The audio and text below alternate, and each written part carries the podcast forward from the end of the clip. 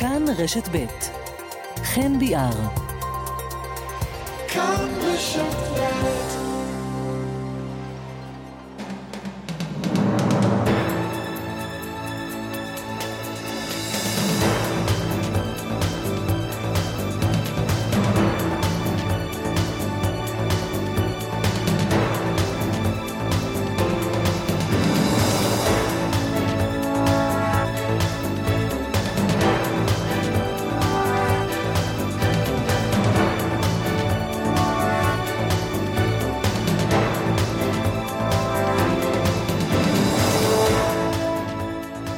12 ועוד 5 דקות, שלום רב, צהריים טובים לכם, מועדים לשמחה בחצי היום. כאן ברשת ב', גיא קוטב הוא העורך, רחלי לוי ונוגה אורטל בהפקה, לריסה בלטר-כץ על הביצוע הטכני.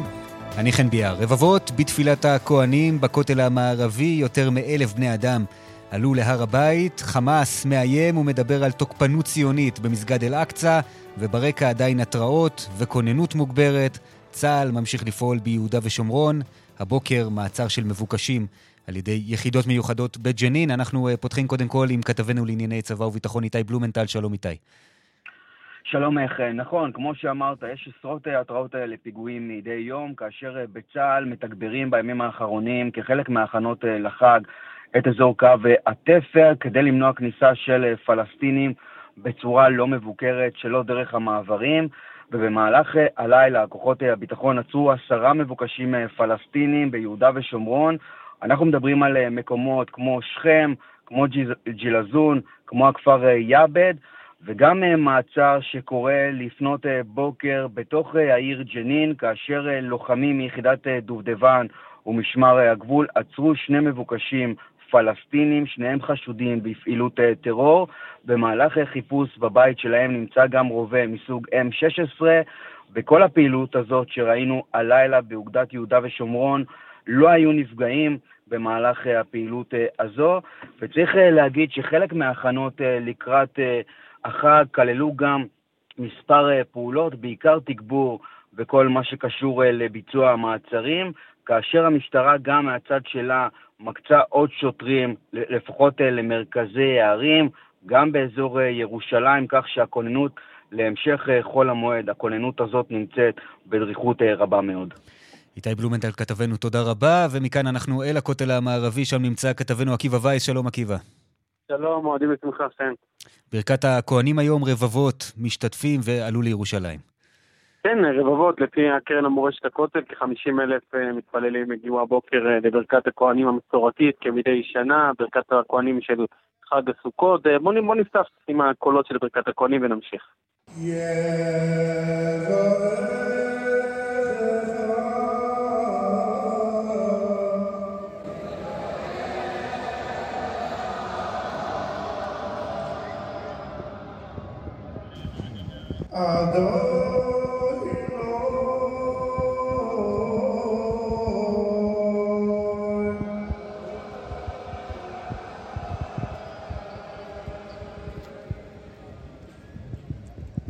כן, כן, זה באמת אה, מעמד אה, די מרהיב. אנחנו מדברים על אה, מאות כהנים שמגיעים מכל רחבי הארץ לברך את עם ישראל, באמת מעמד מדהים, באמת לראות גם הרבה מאוד משפחות שיורדים לירושלים, לעשות, לחגוג את חג הסוכות, את חול המועד בירושלים, ואז הם מגיעים לכותל המערבי. פגשתי שם גם אחד, אחד המשתתפים שם, אומר לי, אני חייל, הייתי פה חייל במלחמת השחרור, שחררנו את הכותל, אני מגיע פה כל שנה. היה ממש דמעות. בואו נשמע קצת קולות מהמבקרים, מתפללים שהגיעו הבוקר אה, לכותל.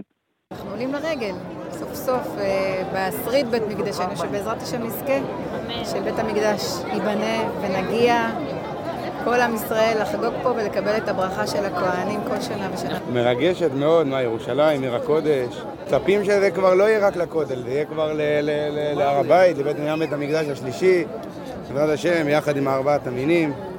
מנהג אנשי ירושלים הולכים עם ארבעת המינים, הולכים איתם ברחובות ירושלים, ושתסמל את האחדות, בעזרת השם יהיה אחדות גם בתוך ירושלים הקודש וגם בכל עם ישראל ביחד גם. אני רוצה רק לאחל דבר אחד, שנזכה סוף כל סוף, זכות החג הזה ובזכות התפילות האלה, שיגמר כל השנאת חינם הזאת, היא לא מתאימה לעם היהודי בשום מקום.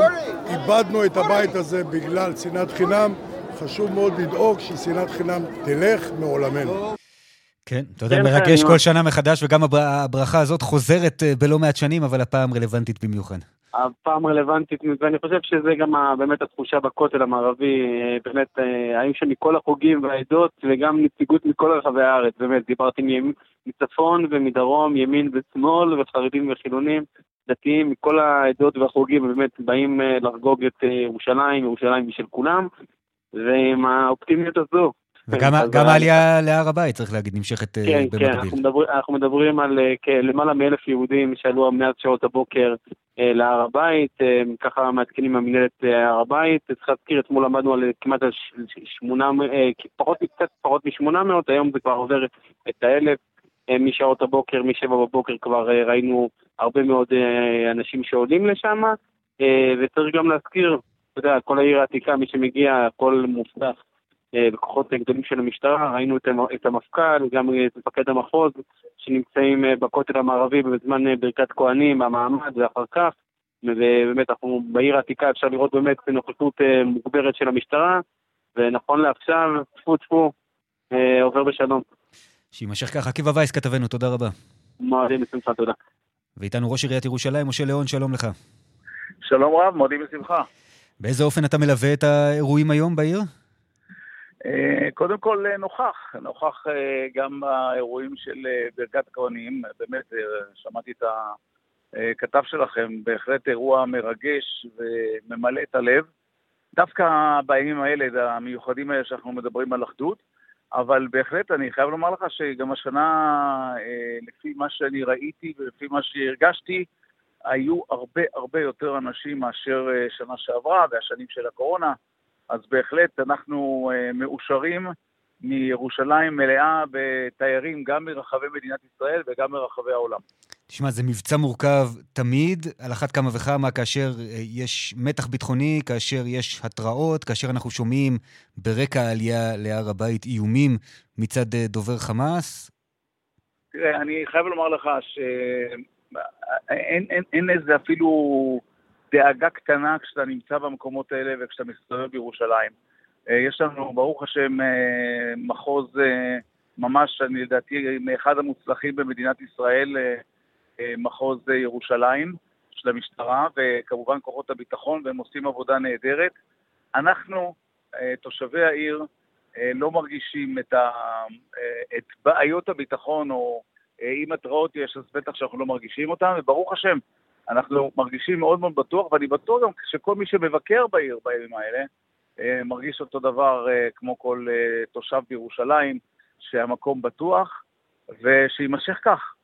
אתה יודע, יש הרבה שעושים את ההבחנה בין אירוע כמו ברכת הכוהנים שרבבות משתתפים בו, לבין העלייה להר הבית. אתה מרגיש איתה בנוח, ואי אפשר כמובן לנתק את זה מה, מהנושא הביטחוני, הפוליטי, ממה שקורה באזור. אתה מרגיש אה, בנוח עם כך שאנחנו רואים מדי שנה יותר ויותר אנשים אה, עושים את הצעד הזה, עולים להר הבית? קודם כל, אני, אני לא בטוח שהשנה יש יותר אה, אנשים משנה רגילה.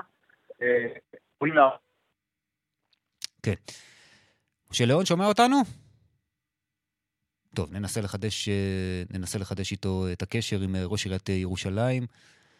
משה ליאון, ביום הזה שבו אה, כמובן אה, אה, רבים מאוד אה, משתתפים באירועים השונים וגם אה, מגיעים אה, לבקר, לטייל, לנצל את אה, ימי החג, את אה, ימי החופשה, בשביל אה, ליהנות אה, ממה שיש אה, לירושלים אה, להציע. נשאל אותו כמובן אה, גם בעוד כמה עניינים שנמצאים על סדר היום, והנה אה, אה, משה ליאון חזר אלינו, אנחנו מקווים שעכשיו נוכל לשמוע אותו טוב יותר. שוב שלום לך, אדוני. שלום לך. אני הייתי בדיוק בנושא של אה, מספר ה... אה, כן, אמרת שאתה לא משוכנע שהמספר הוא בהכרח גבוה יותר. אז קודם כל, אני לא חושב שהמספר הוא גבוה יותר, וגם אם אתה... יותר מאלף בני אדם רק היום, בשעות שמאז הבוקר. נכון, אבל נניח, תחשוב שאנחנו מדברים על 50 אלף היום שהגיעו לכותל, אה, לברכת הכוהנים. אז כלומר זה אחוז קטן מאוד מאוד, ובאמת שולי. אבל עדיין, אתה יודע, זה משהו שהולך ומתפתח כאן אל מול עינינו. אני חייב לומר לך שאני באופן אישי לא עולה להר הבית, ורבים אה, כמוני יש שלא עולים, אבל מי שרוצה לעלות, צריך לתת לו לעלות, משום שבסופו של דבר אנחנו ריבוניים, ולנו יש את הריבונות בירושלים, וגם על הר הבית יש לנו את הריבונות, ובהחלט אה, צריך לתת את הזכות לעלות לכל מי שרוצה לעלות. ואתה לא מודאג שהעניין הזה כאן יצית ו- וישנה את, ה- את השקט היחסי שאנחנו לשמחתנו עדיין נהנים ממנו? לא, ממש לא, כי כל, כי כל זמן שעושים את זה על פי הכללים ועל פי מה שמותר ולא על פי מה שאסור, אז בהחלט אה, זה, זה סטטוס קוו, וזה סטטוס קוו שצריך לקיים אותו, והוא חשוב לקיים אותו. ראיתי שהספקת במהלך החג אה, לבקר בסוכתו של הרב הראשי, הרב יצחק יוסף. אני, אה, בסוכות אני בכלל מבקר אצל רבני ירושלים, וזה חלק מהקבלת פני רבו שיש במצוות הרגלים, ובהחלט נהניתי מכך, כן, אני נהנה מכך. בואו נשמע קטע מהדברים אה, שהוא אמר בדרשה האחרונה שלו ופורסמו. ניזכר. אני רואה כל מה שקורה בציבור החילוני, הם מסכנים, אין להם סיפוק בחיים. וכל למד תאוות העולם הזה, זה לא יאומן. מי שנמצא בית הדין, רק יום חמישי היה אצלי הרב תל אביב, הגאון הרב זוודיה. מספר לי איזה תיק קשה שקרה בית הדין. אתה רואה את המתירנות שיש בציבור החילוני. כל מיני בעיות שהם גורמים הם מקנאים בנו, תדעו, זה הכל קנאה. מתירנות שיש בציבור החילוני, קנאה, יש גם עוד אה, משפט אה, אה, שאתה יודע, מדבר על אדם שאוכל לא כשר, שהמוח שלו נהיה מטומטם, ככה ציטוט. אני אגיד לך את האמת, קטונתי מחס וחלילה לחלוק על הרב, על דברי הרב, ואני לא שמעתי את הדברים האלה, לא מכיר אותם, בטח לא היו לי כשאני הייתי נוכח.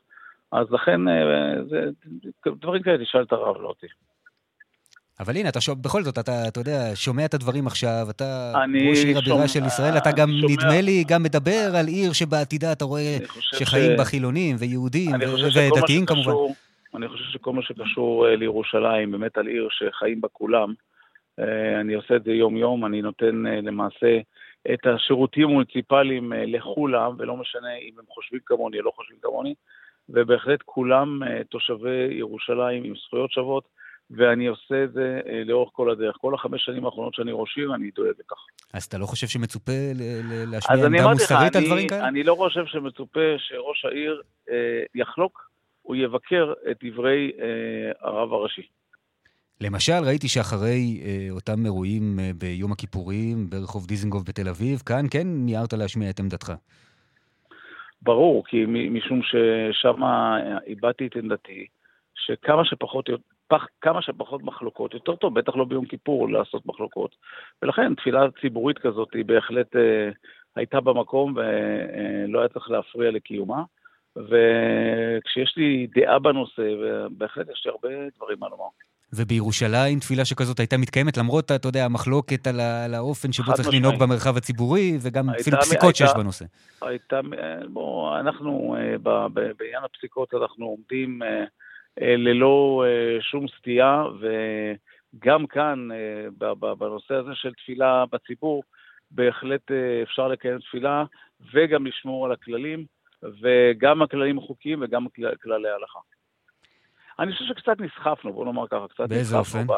בשבועות האחרונים, בחודשים האחרונים, קצת נסחפנו מעין טרללת בכל מה שקורה על ויכוחים בין דתיים לחילוניים, אה, בין חרדים לחילונים, אה, קצת נסחפנו, בואו נתפוס כל אחד את עצמו ובאמת נגיע להידברות, כי בסופו של דבר רב, רב המשותף אצלנו מאשר השונה. אבל אתה יודע, אני מניח ששומע אותך אדם חילוני, וגם מכיר את ההבטחות שלך באשר לעתיד של ירושלים, ובאשר לאורחות חיים של חילונים למה מכיר, בעיר למה הזאת. מכיר? הוא יודע גם שביצעתי את ההבטחות שלי. אבל, אבל הוא, שואל, הוא שומע עכשיו את הדברים האלה, והוא מה, שואל, מה, שואל את עצמו איך זה מתחבר ביחד.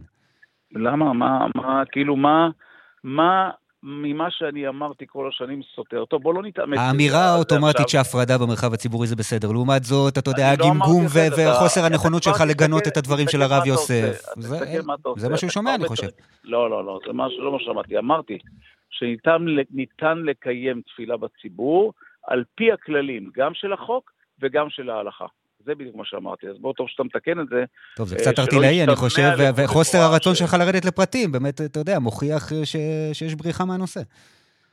שתהיה תפילה ציבורית בירושלים שצריך לעשות, תאמין לי, אני ארד לפרטים, היא תהיה בדיוק גם על פי החוק וגם על פי ההלכה. אז אתה אומר, לאדם חילוני ששומע אותך עכשיו, אין, אין מה לפחד. לפחד? אני חושב שהאנשים החילוניים בירושלים מאושרים. אה, אני ראש עיר שלהם, ו... למרות שאני, כן, אני בטח לא חרדי, אני ציוני דתי, אבל בהחלט אני נותן להם שירות מצוין. והם... אתה יודע מה, אני אתן לך עוד דוגמה. עוד מעט תדבר כאן... אתה יודע, המילה פחד היא ממש מילה מיותרת, היא לא רלוונטית. אבל אתה יודע, זה מה שמרגישים הרבה מאוד אנשים, וזה מה שמוביל את לא השיח כאן, כי הוא מושתת על הרגשות הללו. אבל אתה טועה, זה בדיוק ההבדל בין תל אביב לירושלים. בירושלים אין את החשש הזה או את ההרגשה הזאת. בהחלט אה, אה, בירושלים יש הרגשה של אחדות. בירושלים רוב הציבור מבין ומכיל אחד את השני, ואני באמת בהזדמנות הזאת הייתי קורא אה, לתושבי אה, אה, מרכז הארץ, לבוא לירושלים. אני אתן לך דוגמה, אדוני, אני אתן לך דוגמה שאולי תמחיש יותר טוב למה אני מתכוון, אבל רגע, בוא לא נברח מהנקודה, אני אתן לך להשלים. לא, לא, אני רוצה... עוד מעט תדבר כאן מנכ"לית נשות הכותל, שהיא תדבר על מה שקורה על ברכת הכוהנים, והיא למשל תמהה על כך שלא עומדים להגנתן במשך כל השנים, נדמה לי שיכולה לכוון את הדברים גם אליך. אני חוזר ואומר, אני מזמין את כולם לבוא לראות איך בירושלים גרות כל האוכלוסיות ביחד, גם ערבים, גם יהודים, גם חילונים וגם חרדים, גם ציונות דתית וגם אוכלוסייה אחרת. כולם חיים ביחד, וכל אחד מקבל את מה שמגיע לו, ויש הידברות. לגבי אה, שאלתך, זה לא תחת אחריותי, כמו שאתה יודע, רחבת הכותל נמצאת תחת אחריות משרד ראש הממשלה, אין לי שום נגיעה בכך, ולכן זה לא רלוונטי. אתה יודע, חילונים עוזבים את ירושלים.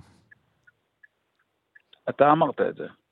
אני חושב שבאותה מידה... ואני שומע אותך בורח מכל אמירה שיכולה, אתה יודע, להיות לא נעימה ולעמוד לזכותם, ואולי אנחנו מבינים למה. אבל אתה אומר דברים שהם אה, משפטים חסרי אה, אמת. משום ש... מה היה חסר אמת? אז אני אסביר לך. כי כשיש הגירה שלילית בעיר, יש הגירה שלילית גם של חרדים וגם של חילונים. עיקר ההגירה השלילית נובעת מזה ששנים לפני שאני הגעתי להיות ראש עיר, לא בנו אה, יחידות דיור מספיק. אנחנו עכשיו בונים עשרות אלפי יחידות דיור, ואני הבטחתי בכל מקום, וגם עכשיו אני מבטיח לך, mm-hmm. שתוך שלוש שנים אתה תראה שאין הגירה שלי של, ה, בטח לא של החילונים וגם לא של החרדים. אנחנו בונים, וזה מה שיגרום שתהיה הגירה חיובית. רשמנו לפנינו, משה ליאון, ראש עיריית ירושלים, תודה רבה לך אדוני על השיחה הזאת. תודה רבה, חג שמח. והנה כמובטח השיחה שהקלטנו אה, מוקדם יותר עם מנכ"לית ארגון אה, נשות הכותל, יוכי רפפורט. מנכ"לית ארגון נשות הכותל, יוכי רפפורט, שלום. שלום. חג שמח. חג שמח, מועדים לשמחה. את יודעת, אנחנו נמצאים אה, ביום חגיגי, ברכת הכוהנים היום משעות הבוקר בירושלים. תארי לי קצת איך נראה יום כזה עבורכן, עבורך. בתור ירושלמית אני מאוד משתדלת להישאר רחוק מכל האזור של העיר העתיקה, ואני אומר גם באופן רגשי. כואב לי מאוד לראות אה, איך המונים מגיעים לכותל, נחמד לי מאוד לראות את ההמונים מגיעים לכותל, כואב לי לראות איך הם מתקבלים בברכה, בעוד כשאני מגיעה לשם מדי חודש, והקבוצה שאיתי מגיעה כבר 35 שנים, אני כמובן מדברת על נשות הכותל, אני מגיעה איתם כבר קרוב לעשור, ואנחנו מתקבלות בבוז, באלימות, בשנאה יוקדת, לא רק מצד המתפרעים, המתפרעות שמגיעות כנגדנו, אבל גם מטעם הרשויות שם, רב הכותל הצבוע, וכמובן ההבטחה הפרטית שלו. ובעצם ביום שכזה את אומרת אני משתדלת להישאר רחוק? כואב לי לראות שאני לא, גם כשאני אגיע לשם יזהו אותי, אני לא אתקבל שם באהבה, אני לא אתקבל שם uh, בכבוד הראוי לי בתור uh, מי שהכותל מאוד חשוב לה, בתור מאמינה, בתור מישהי ש, שהמרחב הציבורי בישראל חשוב לה מאוד, המרחב הדתי, שיישאר דתי, אבל לא רק אורתודוקסי, חרדי, שמרני, אלא מקום ששייך לכלל העם היהודי, שכמובן לא מורכב רק מהזרם החרדי או החרד"לי. אז uh, ברכת כהנים זו ברכה מיוחדת מאוד, אני מברכת את, את שתי הבנות שלי מדי שבת בברכת כהנים, uh, ואני תמיד מתפללת שיהיה שלום, אבל שלום הוא לא רק uh, בין אנשים שדומים אחד לשני או אחת לשנייה, אלא בין כולנו, ולקבל את השונה, גם כשלא חושבים אותו דבר. יש מועדים ויש אה, ימים שבהם אתן מגיעות בהחלט אה, לכותל, למרות כל המצב הזה שאת מתארת, אז למה בעצם היום הוא לא יום שכזה? אנחנו לא חלק מברכת כהנים. אנחנו כמובן אה, קבוצה של נשים דתיות מכל הזרמים ביהדות, אין לנו שום קשר לברכת הכהנים.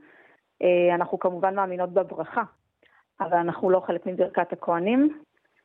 ניסינו בעבר לעשות ברכת כהנות, כמובן היינו צריכות לעתור לבית משפט כדי לאפשר לנו כקבוצה של נשים לברך נשים אחרות בכותל. כן, לכך עדיין... כוונתי בעצם, היו כן ניסיונות בעבר.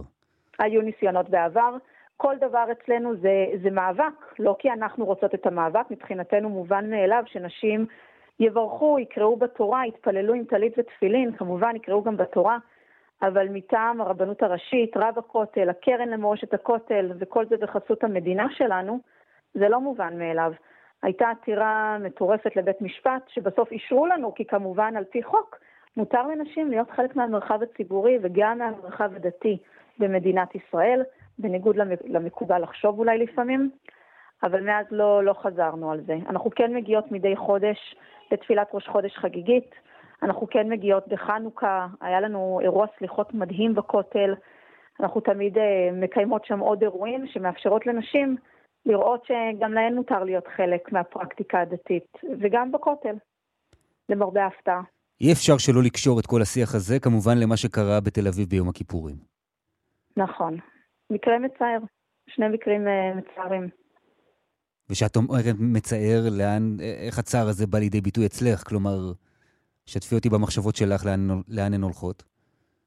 תראה, אלימות, אלימות היא לא דרך, היא לעולם לא הדרך. ולהדליק חדשות אחרי יום כל כך קדוש כמו יום כיפור, אחרי שהתלבשתי בלבן וצמתי ובאמת ניסיתי להידמות למלאכים ולראות לראות את ה... לראות מצד אחד את השנאה שהדת הצליחה להוציא ממנה, בגלל שארגונים כמו ראש יהודי ואנשים כמו אלי זעיר אשר רק באים להפיץ רע, ו- ושנאה בסופו של דבר, למה, למה הוא הצליח לגרום, אבל אחר כך לראות גם איך נבחרי ציבור, רבנים שונים, קמים ומזדעקים מול האלימות הקשה באמת שהייתה שם. ואני לא יכולה שלא לשאול את עצמי, איפה הייתם? איפה הייתם במשך כל השנים האלה, כבר מעל לשלושה עשורים, שקבוצה של נשים דתיות, מאמינות, מכל הזרמים ביהדות, מגיעה לתפילה וסובלת מאלימות פיזית ומילולית. אם תדע מה איחלו לי, כשהגעתי לשם בהיריון ואמרו, הלוואי והבנות שלך ימותו בלידה, שיצאו אוטיסטיות, קראו לי זונה, נאצית, זרקו עליי כיסא פלסטיק, שפכו עלינו קפה רותח, קראו לנו 39 סידורים, ולא מדובר רק ב- בילד או שניים. במשך 12 דקות קבוצה של נערים וגברים קראו 39 סידורי תפילה. המשטרה שהייתה במקום, סדרני הקרן למורשת הכותל, לא עשו דבר כדי לעצור את פשע השנאה הזה. אבל כאן בעצם, זה, אם אני מבין נכון, את כועסת על שני הצדדים למעשה. בוודאי, אני כועסת על מי ששלח אותם לשם וחינך אותם לשנאה הזאת, ואני כמובן כועסת על השתיקה של נבחרי הציבור, שהתפקיד שלהם הוא לעצור את זה ולומר, זה לא. לא, אבל בהקשר, בהקשר של יום הכיפורים, גם על המפגינים אני שומע ככה כעס, ואת אומרת, כן, היה שם אירוע חמור וגם אלימות, הייתה אלימות מצידם. אני חושבת שאני מבין, אני יכולה לנסות להבין מאיפה זה הגיע אחרי כל כך הרבה שנים שלקחו את התורה בשבי ואמרו לו, היא שלנו, אתם אין לכם חלק בזה ואנחנו נשתלט על המרחב הציבורי כולו ואתם תשלמו את המחיר, כפי שהציבור הליברלי משלם את המחיר, אבל אלימות היא לעולם לא הדרך. אלימות היא אף פעם לא הדרך. מה הייתה צריכה להיות הדרך במקרה הזה? תראה, הייתה עתירה לבית משפט ולצערנו הם צפצפו על החוק. אני חושבת שהיה צריך לבוא ולומר להם, זה לא המקום לעשות את זה, אנחנו מבקשים שתלכו, זה כואב לנו. ואם זה לא היה עוזר, אז ללכת ואחר כך לתקוף את זה בצעדים משפטיים לעתיד, לתקוף את המשטרה על כך שהיא לא עשתה שום דבר כדי לעצור את מה שבית המשפט אסר לעשות, אבל אלימות, ובטח שמול תפילה, היא, היא בטח שלא הדרך. לך באופן אישי ההפרד, ההפרדה הזאת מפריעה? כלומר, מה שונה התפילה הזו מתפילה בבית הכנסת? שבית כנסת זה מקום פרטי, שיעשו מה שהם רוצים במקום פרטי. אני אומרת בכנות, אני, משת... אני מתפללת בבית כנסת אורתודוקסי עם מחיצה, הוא שוויוני, נשים עולות לתורה, מובילות את התפילות. אבל אני בחרתי בבית כנסת הזה, ואם אני אבחר ללכת לבית כנסת רפורמי, קונסרבטיבי, או כל בית כנסת אחר שאין או יש בו מחיצה, זאת הבחירה הפרטית כן, שלי. כן, תראי, ברור שכאן מדובר במרחב ציבורי, ציבורי, אבל ברור הרי לכולם, נדמה לי, יש כאלה שאוהבים את זה יותר ויש כאלה שאוהבים את זה פחות, שרוב היהדות היא אורתודוקסית בסופו של דבר, והיא מתפללת באופן הזה. זה לא נכון. היהדות, אם תסתכל על יהדות התפוצות, רובה רפורמית. לא, אני מדבר על מה שקורה בישראל, נכון. בארצות הברית נכון, ובמקומות אחרים בעולם זה אחרת. כאן, נכון, אתה צודק, אבל רוב האנשים כאן מסורתיים, שגם לא, מעולם לא גדלנו על כך שיש יותר מאופציה אחת ליהדות. בתור מי שגדלה בצפת, כמובן שגם אני גדלתי על כך שהיהדות היא אורתודוקסית ואורתודוקסית בלבד. ברגע שאני ראיתי שאתה יודע מה, גם באורתודוקסיה יש לנשים חלק, נשים יכולות לקחת חלק ובעלות על היהדות שלהן, הן יכולות להניח תפילין, הן יכולות לשבת בסוכה וליטול ארבע מינים, למרות שלאורך הדורות אמרו להם שלא, לא בשבילכן, אתן לא צריכות את זה. יותר ויותר נשים באות ואומרות לך, כן, אנחנו רוצות. ואם אתה מדבר על הפרדה, אז כן, יש יותר מזרם אחד ליהדות, יש את היהדות הרפורמית, הקונסרבטיבית, וגם את היהדות המסורתית שבאה ואומרת, אבל אולי משפחות כן רוצות לשבת יחד. אולי אם שכולה כן רוצה, או אלמנה, סליחה, רוצה לשבת ליד הבן שלה, ואין אופציות אחרות, או אם יחידנית שיש לה בנים מבוגרים יותר, רוצים לשבת יחד. צריכה להיות את האופציה הזאת, וכשבאים ומשתלטים על המרחב הציבורי ואומרים לא, במרחב הציבורי זאת האופציה היחידה, שם הבעיה שלי. מצד שני, את יודעת, מצד שני, זה גם, יש משהו אה, בעייתי בעיני הרבה אנשים לבוא ולהגיד, אוקיי, את התפילה הזאת תעשו בבית כנסת, אל תעשו אותה במרחב הציבורי, תפילה ש... באופן שבו רוב הציבור האורתודוקסי אה, מתפלל. זה נכון שצריכות להיות אופציות אחרות, השאלה אם צריך לאסור את האופן הזה בגלל שזה מרחב ציבורי, למרות שאנחנו יודעים שרוב הציבור מקבל את זה. אבל גם מרחבים ציבוריים. הרי בסופו של דבר בית המשפט הוא זה שפסק, והוא פסק ואמר, לא אנחנו היינו צריכים לפסוק את זה. אתם הייתם צריכים, גם לרשויות המקומיות יש את היכולת להיכנס לתוך האירוע, להסתכל על המרחב הציבורי ולומר פה כן, שם לא. אז בוא נאמר בתל אביב... כן, אבל את יודעת, אני שומע נשים אורתודוקסיות שאומרות, מי אתן שת, שתחליטו בשבילנו? מה, מה זו ההתנסות הזאת? חד וחלק, אף אחד לא יכול להחליט בשביל נשים אורתודוקסיות, אבל במרחב הציבורי חייבת המועצה המקומית לבוא ולומר, אנחנו נחליט כי זה, המועצ... כי זה שלנו, וזה לא שלכם. אז יש מקומות בהם בית המשפט אומר כאן לא, ויש מקומות שבהם הרשות המקומית יכולה להיכנס ולומר, אצלנו אפשר במקרים הספציפיים האלה, במועדים הספציפיים האלה, במקומות התחומים המסוימים האלה, אבל בגדול מרחב ציבורי לא יכול להיות מופרד. החוק מאוד ברור מתי מותר ומתי אסור להפריד. סליחה, הילדה כאן הצטרפה לרעיון, אני מתנצלת. כן, כן, לא, אנחנו מאחלים גם לך שמח. אבל אני גאה בזה שהיא גדלה על זה שהכל מובן מאליו. יוכי רפפורט, מנכ"לית ארגון יש את הכותל, תודה רבה, חג שמח. תודה לך, מועדים לשמחה. שבתם אלינו בחצי היום, במהלך פעילות של המשטרה אמש בשכונת ג'ואריש ברמלה בוצע ירי לעבר השוטרים. יונתן רווה כתבנו, השוטרים השיבו בירי ופגעו באחד מאלו שירו עליהם. נכון, כן. אתמול לקראת השעה 11 בלילה, ירי על שוטרים משכונת ג'ואריש ברמלה כחלק מפעילות ממוקדת שכוחות הביטחון לקחו בה חלק לאחר פיצוץ הרכב בקריית מלאכי וקרב היריות בצומת ראם. החשודים אה, משכונת ג'רושי, זה מה שבעצם עשתה שם המשטרה. צעיר, כבן 18, אה, פתח עליהם באש, המשטרה נאלצה להשיב והצעיר נפצע באורח אנוש ומשם מפונה לבית החולים קפלן, שם נקבע מותו. הצעיר קשור בצורה כזאת או אחרת למשפחת פשע גדולה ומוכרת בעיר. בתגובה לכך, מפקד מחוז מרכז ניצב אבי ביטון הורה על פעילות יחידות מיוחדות בשכונת ג'וריש, פעילות מורחבת, אה, שעצרו הלילה שני חשודים ואיתרו מספר כלי נשק. על כך, על האירוע אמר ניצב אבי ביטון כי יש מחיר כבד לכל ניסיון פגיעה בשוטרים. תודה רבה יונתן, וזה רק אירוע אחד שבו אה, נאלצו אתמול שוטרים לירות אה, לעבר עבריינים או לעבר חשודים בפשיעה. איתנו חבר הכנסת אה, אחמד טיבי, חד"ש-תע"ל, שלום לך אדוני. צהריים טובים. קודם כל, בעניין הזה, אתה יודע, אני מניח שכולם מעדיפים uh, שהרחובות יהיו נקיים מירי עד כמה שניתן, אבל שוטרים שנאלצים להשתמש בפרקטיקה של ירי לעבר uh, חשודים, עבריינים, זה משהו שאתה מברך עליו במציאות שבה אנחנו חיים? לפני הירי, המשטרה פעלה במיידי, אני מעריך שככה היא פועלת כאשר הפשע אה, או החיסול או הניסיון חיסול מתבצע בעיר יהודית.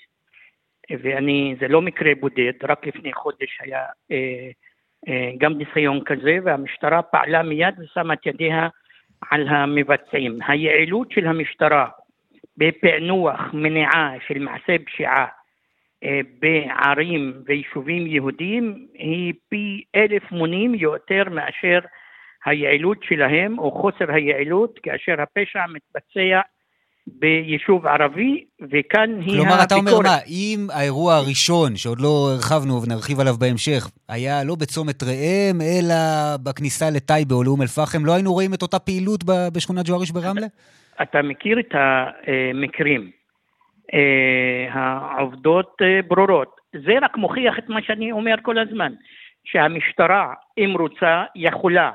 כלומר, יש לה כלים, אולי היא רוצה יותר כלים, אבל כאשר מדובר בפשע או חיסול שמתבצע בראשון לציון, בתל אביב, ביישוב יהודי, דרך הפעולה של המשטרה היא שונה ומהירה הרבה יותר.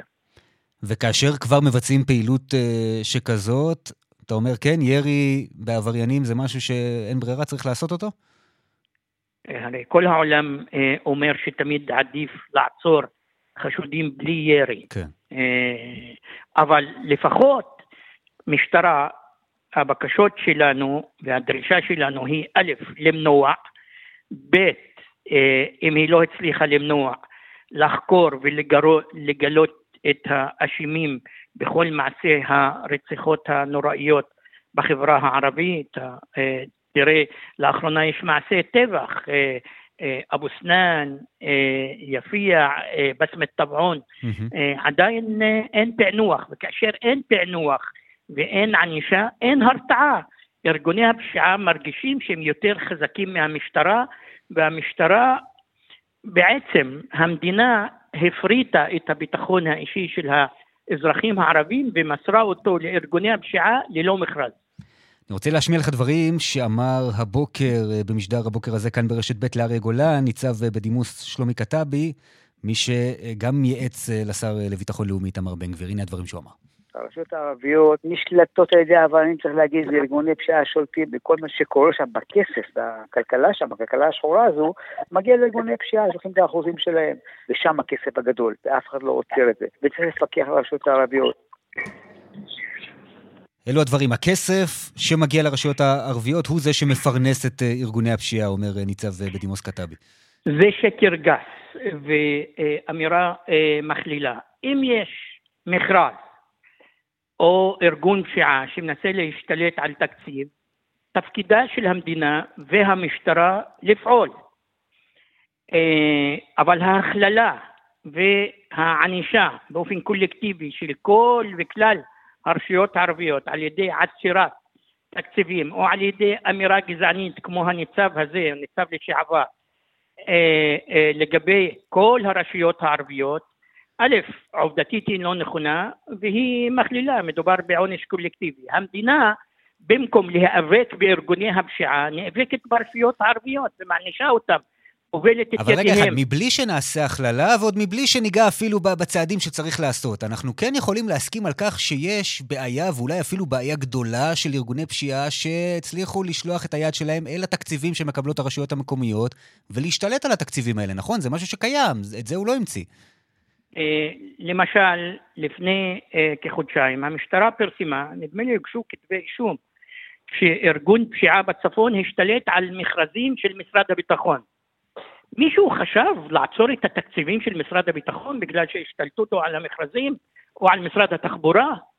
קל יותר לקבל החלטה מכלילה על הרשויות הערביות מאשר על משרד הביטחון ומשרד התחבורה למרות שהמכרזים שלהם הם יעד של ארגוני הפשיעה.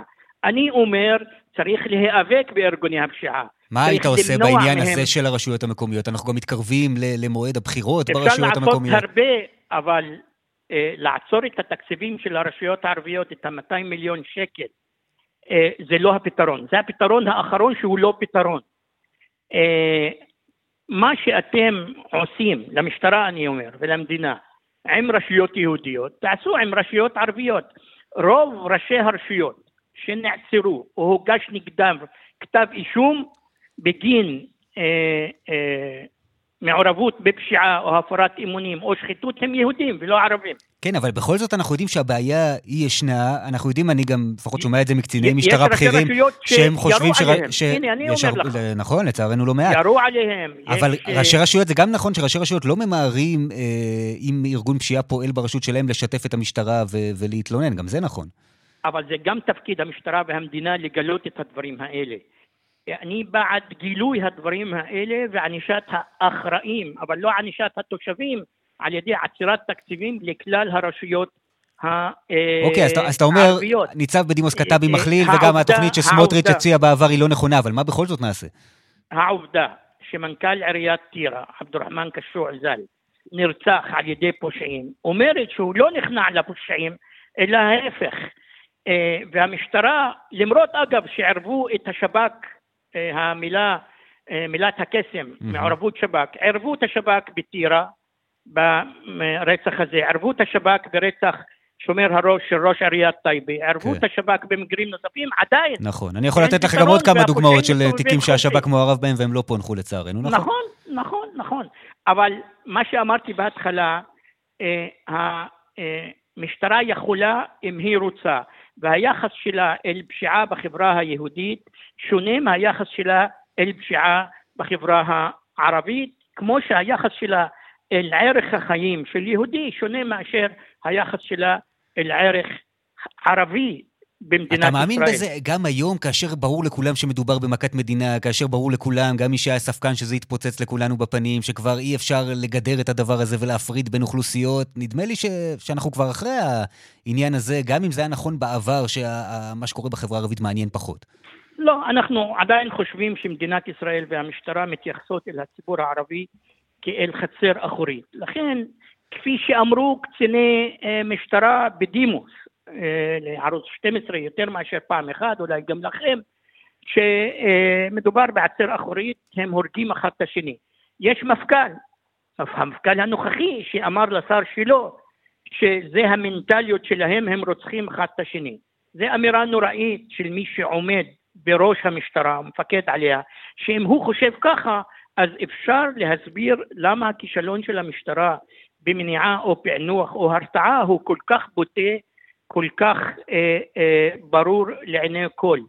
אין מנטליות אה, של אה, פשיעה בחברה ש-99.5% ממנה הם אנשים שלווים שרחוקים מפשיעה והם קורבן של הפשיעה אה, על אה, אותו משקל של האמירה שאמר אה, הניצב בדימוס הזה, אפשר לומר שבממשלת ישראל יש שר. שעל פי דין הוא מחבל, ולכן אפשר להגיד שכל שרי הממשלה הם מחבלים. למרות שיש רק שר אחד שהורשע בדין. אז כדאי לברור את המילים ולבחור במדיניות שווה לגבי שיטור ולגבי יחס אל ערך החיים. אתמול אמר כאן דובר המשטרה שאם הרוגלות היו חוזרות להיות כלי שנמצא בידי משטרת ישראל, היינו רואים השנה פחות אה, נרצחים. היועצת המשפטית אישרה במקרה הטבח בבסמת טבעון את השימוש בכלי הזה, נראה מה יקרה. הכדור בידי המשטרה ובידי המדינה. חשוב לומר, תמיד אומרים, אה, הרצח הזה, הפשיעה בחברה הערבית עוד תגיע ליהודים. זה משפט גזעני ונורא. כאילו, אם זה לא הגיע ליהודים, זה עדיין בסדר. אם זה יגיע ליהודים, זה סכנה. זאת סכנה, זאת מגיפה. אני, אני גם חושב, זה... אני אגיד לך יותר מזה, גזעני או לא גזעני, אני חושב שאנחנו כבר שם, זה, זה בכל מקום, ואנחנו רואים שגם האלימות משפיעה ומחלחלת. אגב, גם מאבקי הכנופיות בחברה היהודיות קשורה במאבקי הכנופיות בחברה נכון. הערבית, כי כל ארגון פשיעה ערבי קשור לארגון פשיעה יהודי. יש בריתות שם אה, שהן יעילות מאוד לצערי אה, הרב, וכשיש הברחות סמים זה מה זה, הברחת סמים רק לערבים? יש הברחות סמים לכלל צורכי הסמים במדינת ישראל, וזה נגע, זה בעייתי, וצריך לטפל בזה כאל, כאילו זה אה, סכנה לכלל הציבור ולכל אחד בפרט, וזה לא המצב. כשנפגשנו עם ראש הממשלה, אמר לנו, כפי שהמשטרה הצליחה למגר את הפשיעה ביישובים היהודים, mm-hmm. היא צריכה למגר את הפשיעה ביישובים הערבים. בינתיים הוא אמר, אנחנו מחכים לתוצאות. חבר הכנסת אחמד טיבי, תודה רבה לך. תודה רבה. אז הנה אנחנו חוזרים אה, לחלקו הראשון אה, של האירוע, למה שקדם אה, לאותה פעילות משטרתית בשכונת ג'ואריש ברמלה, והירי שהיה במהלך הפעילות הזאת. שלום לכתבנו אסף פוזיילוב. שלום, שלום, כן. אז זה בעצם מתחיל מאירוע שקורה באזור צומת ראם.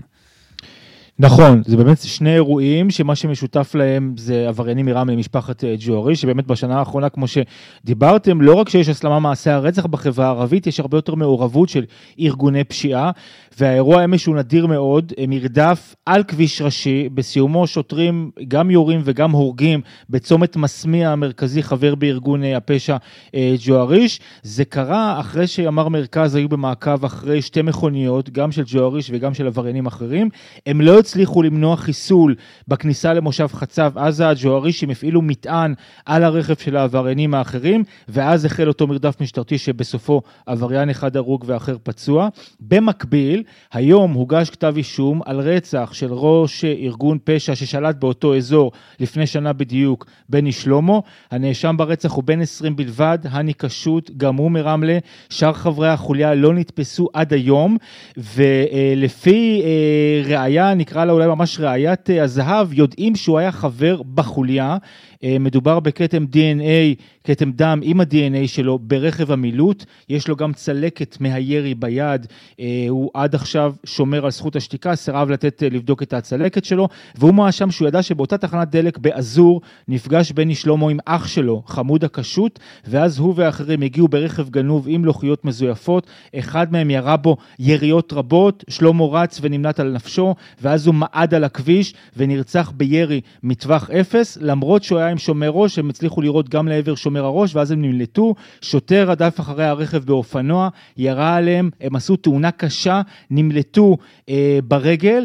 אז איימו בנשק על נהג אחר בצומת חולון, שדדו ממנו את הרכב ונמלטו, ועד היום כאמור הוא היחיד מהחוליה הזאת שנתפס שנה אחרי, ונאמר שכל החיסול הזה של בני שלמה ראש הארגון תועד גם במצלמת טלפון, גם במצלמת אבטחה, סרטונים שמיד הופצו בוואטסאפ, וזו אולי הפעם הראשונה שרואים בצורה ברורה מההתחלה ועד הסוף חיסול של ראש ארגון פשע, כאמור לפני שנה בדיוק זה קרה, היום הוגש כתב אישום, רק אחד נתפס מכל החוליה הזאת. למרות כל התיעודים ו... ובאמת אה, כל הטכנולוגיה שאמורה לסייע כאן.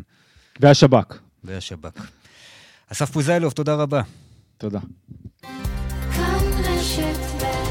עכשיו אנחנו עם אה, כתבנו לענייני אה, משפט, אבישי גרינצייג, שלום.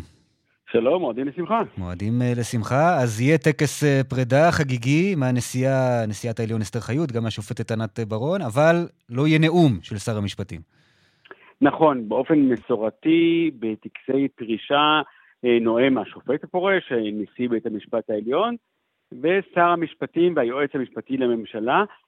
פה לא יהיו נאומים חיצוניים, לא של היועצת המשפטית לממשלה, לא של אה, שר המשפטים, על רקע חשש ממבוכה, נאמר כך, אה, שהאירוע החגיגי אה, בבית המשפט העליון לא יהיה בדיוק חגיגי כאשר ינאם שר המשפטים לוין, כי יש להעריך כן, ולהניח... זה קצת יגנוב, עלול לגנוב את ההצגה. כן, שלא בדיוק ישבח ויפאר את בית המשפט העליון במתכונתו הנוכחית ואת השופטות שפורשות. לכן הוחלט שאף אחד מבחוץ לא ינאם, רק אה, השופטות ענת ברון ואסתר חיות. ניתן לזה נימוק רשמי אה, די משעשע, לא בדיוק אה, תואם לעובדות, שנאמר בגלל שיש תיקים תלויים ועומדים שקשורים לשר המשפטים וליועצת המשפטית לממשלה, גם לראש לשכת עורכי הדין, הוחלט שאף אחד מבחוץ לא ינאם, שזה נימוק רשמי נחמד, רק הוא ברור שהוא לא נכון, כי גם בעבר היו תיקים אה, תלויים ועומדים, ואפילו במעמד החגיגי הזה, החגיגי הזה גם ניתן בעבר אה, פסק דין אה, שהוקרא נגד הצדדים שנאמו, אבל האירוע היום זה לא כמו האירוע בימים עברו, ולכן הוחלט שיריב לוין לא ינאם. ומה שמעניין זה שהיום אנחנו מדווחים שלמרות שהוא התבקש לא לנאום, הוא החליט לאשר את, את ההשתתפות שלו. Mm, כלומר, לא, כ... לא מביע מחאה על, ה, על הצעד הזה. אה, אתה יודע, יש ביטוי שיותר ממה שהעגל רוצה לנהוג, הפרה רוצה להעניק, אז נראה לי שפה יותר ממה שה... וכולי. נראה לי ששני הצדדים אה, טוב להם האירוע הזה שהוא לא ינאם. וזהו, זה המאבק בין הרשויות שלא בדיוק נרגע, אפילו ב... ימים חגיגיים, ונקווה לימים שקטים. כן, אמנם סאגה טקסית ועל פניו זניחה, אבל הנה זה ממחיש לנו הרבה ממה שקורה ב- בימים האלה. אבישי גרינצק, תודה רבה. תודה תודה. שלום שרון וקסלר. אהלן חן. את יודעת, אה, חול המועד סוכות, מטיילים, יושבים בסוכה, ו- וככה מגניבים מבטים אל השמיים לראות מה קורה. זה במקרה הטוב, שלא הרגשת קודם את הגשם, ואז הגנבת את המבטים לשמיים, נכון?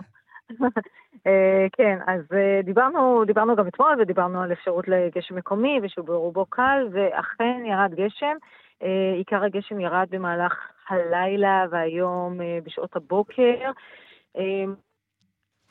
אביב ירדו 11 מילימטרים עד 12 בצהריים, בתל אביב נמדדו גם כן 11 מילימטרים, חמישה אתמול, חמישה הבוקר, היה מטח יפה של גשם בשעות הבוקר, בשע, זה, זה המובילים בטבלה.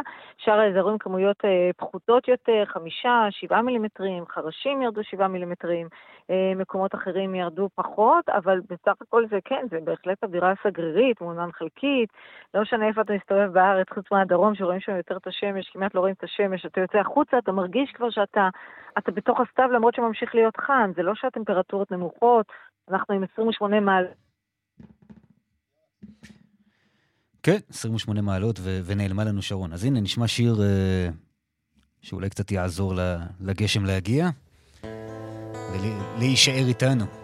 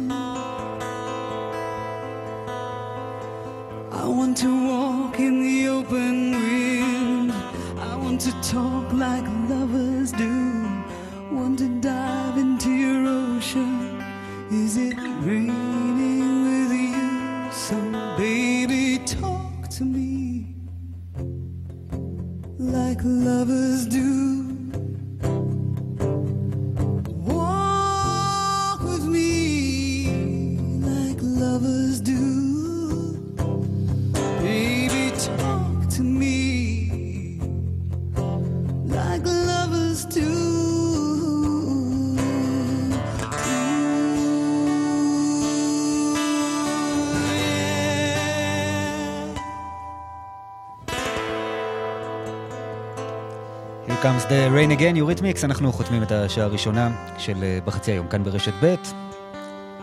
פרסומות חדשות ואתם שוב איתנו לשעה נוספת. בין היתר נדבר על הזוכים בפרס אה, נובל לרפואה.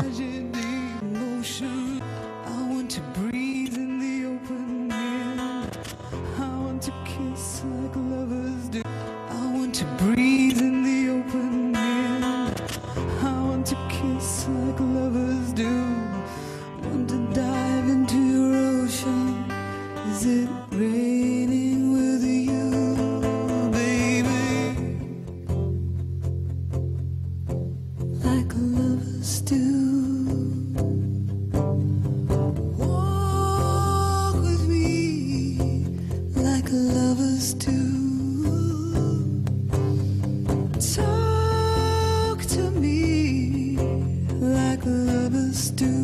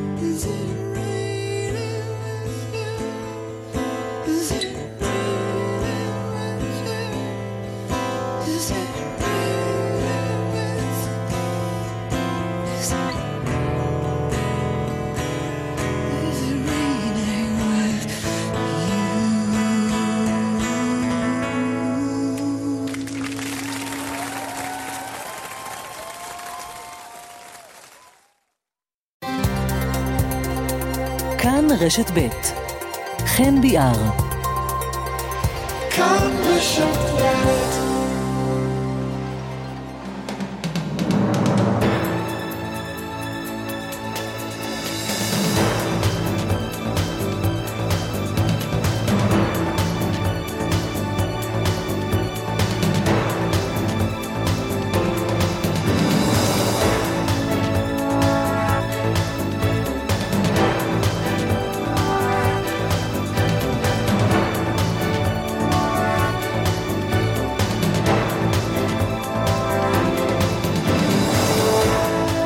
ארבע דקות אחרי אחת, שעה שנייה של אה, בחצי היום. כאן ברשת ב', ברוכים השבים, ברוכים המצטרפים.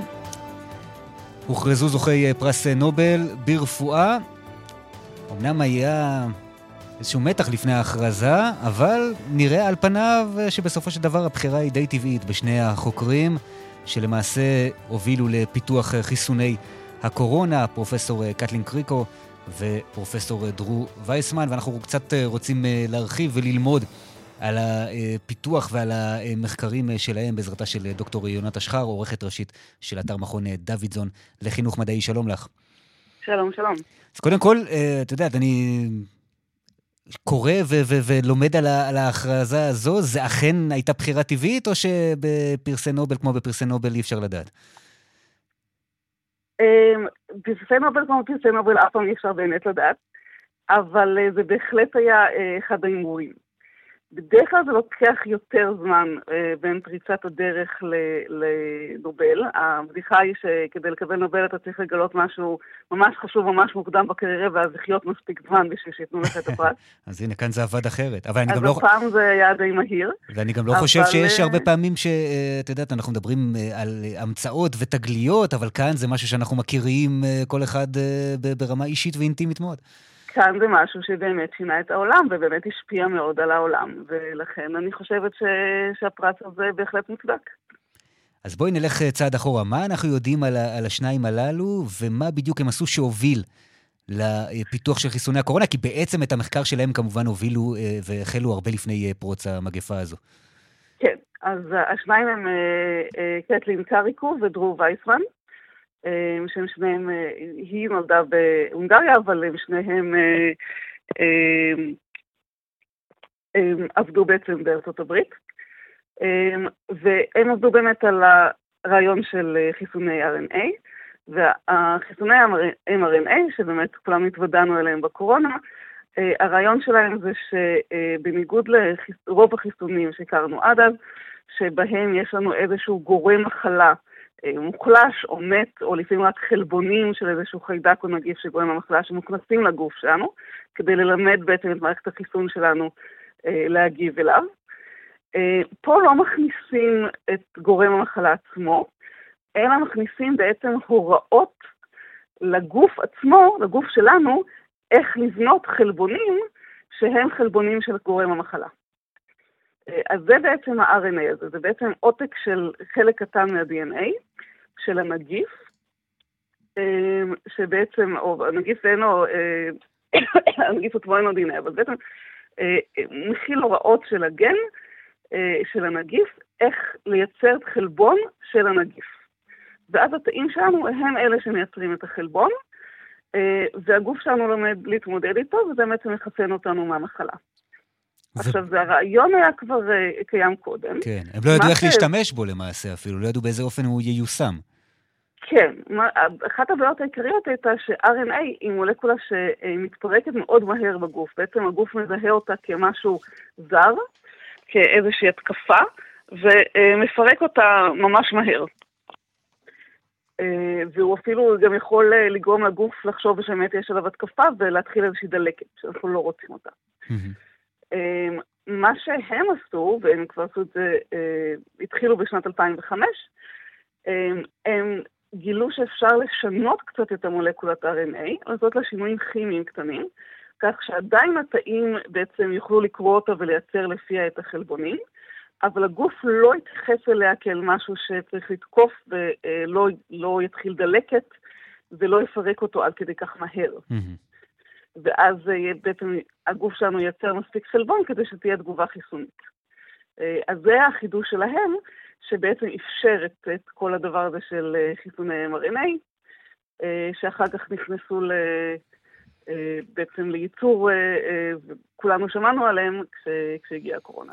תראי, אי אפשר שלא להתייחס כמובן לכל השיח סביב החיסונים האלה, לכך שהייתה להם, לצד האמונה של רבים שהם הצילו את העולם וגרמו לכך שאנחנו יכולים להמשיך הלאה ולחיות היום את חיינו פחות או יותר כרגיל כפי שהיה לפני המגפה, עדיין הייתה להם התנגדות רבה וערה במיוחד. כן, הייתה התנגדות, אני חושבת שההתנגדות לחיסונים גם יש אה, הרבה, אה, ראינו את זה גם לפני הקורונה לצערי. אבל כאן נדמה לי זה, זה חצה את, את הקהל הזה. כאן זה היה עוד יותר, עוד יותר גדול. אני חושבת שבאופן כללי, אה, הרבה אנשים יש להם התנגדות להתערבות רפואית שנעשית על אדם בריא. זה נראה משהו שהוא אה, אה, יכול להיות מסוכן, יכול. למה צריך להזריק למישהו בריא אה, משהו שיכול בפוטנציאלית להזיק לו? אה, אבל בסופו של דבר אנחנו רואים ש, שחיסונים זה דבר שעובד, זאת אומרת חיסונים אה, אה, גם הצליחו להחזיר את העולם לסוג כלשהו של נורמליות בקורונה, ומעניין אם זה היה חלק מהשיקולים שהובילו לבחירה בהם, זאת אומרת, גם להדגיש את הדבר הזה חרף ההתנגדות שהייתה. בהחלט יכול להיות. אז אלה הזוכים, פרופסור אה, קטלין קריקו ופרופסור אה, דרור וייסמן, יהודי אגב, כפי שאפשר אה, ככה לנחש מהשם. כן. דוקטור יונת אשחר, עורכת ראשית של אתר מכון דוידזון לחינוך מדעי, תודה רבה. תודה רבה. עכשיו אנחנו רוצים אה, להתעדכן בחופשתו של אה, ראש הממשלה בנימין נתניהו ורעייתו, שהגיעו באישון לילה למלון בנווה עתיב, שבו שהו אה, גם לפני כמה שבועות והחליטו לחזור. בחוץ כמובן יש סוכה שהקימו מתנגדי הממשלה ואנשי המחאה. שלום לכתבנו רובי אמרשלג. שלום חן, כן, אז החופשה נדחתה אתמול בכמה שעות וראש הממשלה ורעייתו שרה הגיעו באיחור, באישון לילה. אה, קצת עבדו על המפגינים שחיכו להם שם משעות אה, הצהריים המוקדמות אתמול. הם התפזרו בשעת לילה מאוחרת, ואז ראש הממשלה הגיע לשם, אבל כבר היום משעות הבוקר הם ערוכים שם. הם נמצאים אה, במרחק יחסית לא מאוד רחוק מהמלון, משהו כמו 400 מטרים. הם הקימו שם באישור כוחות הביטחון סוכה, מה שהם מכנים סוכת שלום, ויקיימו בה משעות אחר הצהריים פעילויות כמו יוגה ומפגשי שיח בנושא יהדות וחברה ועוד ועוד, ובשעה שש בערב תתקיים שם עצרת בהשתתפות אה, מובילי המחאה ברחבי הארץ, כמו משה רדמן ואחרים. לאחר מכן אה, מעגלי שירה בציבור. אני מתרשם שבאופן כללי זה אמור להיות יותר שקט ויותר רגוע ממה שראינו שם אה, בחופשה הקודמת של ראש הממשלה בנווה עתיב וגם ברמות, אז ממש היה רועש ואי אפשר היה להוציא מילה, היה רעש מחריש אוזניים. אה, מכל מקום הם מתכוונים ללוות את ראש הממשלה ורעייתו בכל מהלך ימי חופשתם בנווה עתיב. לפי הצפי, לפי מה שידוע, זה אמור להיות במהלך כל חול המועד. ראש הממשלה כרגע ספון בתוך בית המלון, יכול להיות שהוא יצא יחד עם אה, שר הרעייתו לסיורים ברחבי הצפון, אף אחד כרגע לא יודע. מכל מקום, הסגירות ההרמטיות של המושב שראינו בסיבוב הקודם, הפעם המושב פתוח, יש אה, גדרות גבוהות אה, סביב המלון, המלון נמצא על הכביש הראשי, אבל באופן כללי המושב כרגע פתוח, וגם לאור הבג"ץ שהגישו אה, גם המוחים וגם תושבי נווה עתיב לפני כחודשיים. רובי, תודה רבה. תודה. מי שנמצאת בנווה עתיב היא מיכל סלע, שלום מיכל. מיכל, שומעת אותנו? מיכל שומעת אתכם, יש קצת קשיים בקליטה בנדעתי, ואני אשתדל. אנחנו ננסה. ממתי את שם? אני פה החל מאתמול בשעה בבוקר כשהתחלנו להיערך לביקורו של נתניהו. הייתי פה עד אתמול ב-12 בלילה כשנתניהו הגיע באישון לילה כאחרון הגנבים, ואני פה החל מ-7 בבוקר. מה קורה כרגע מסביבך?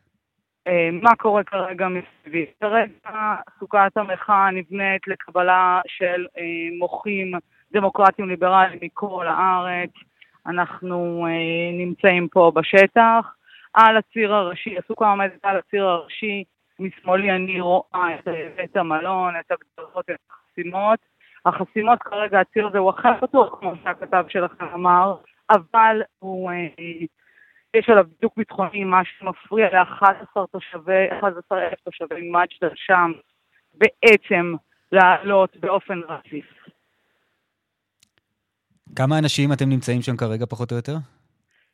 נמצאים פה כ-80 אנשים, זה הצוות שמכין.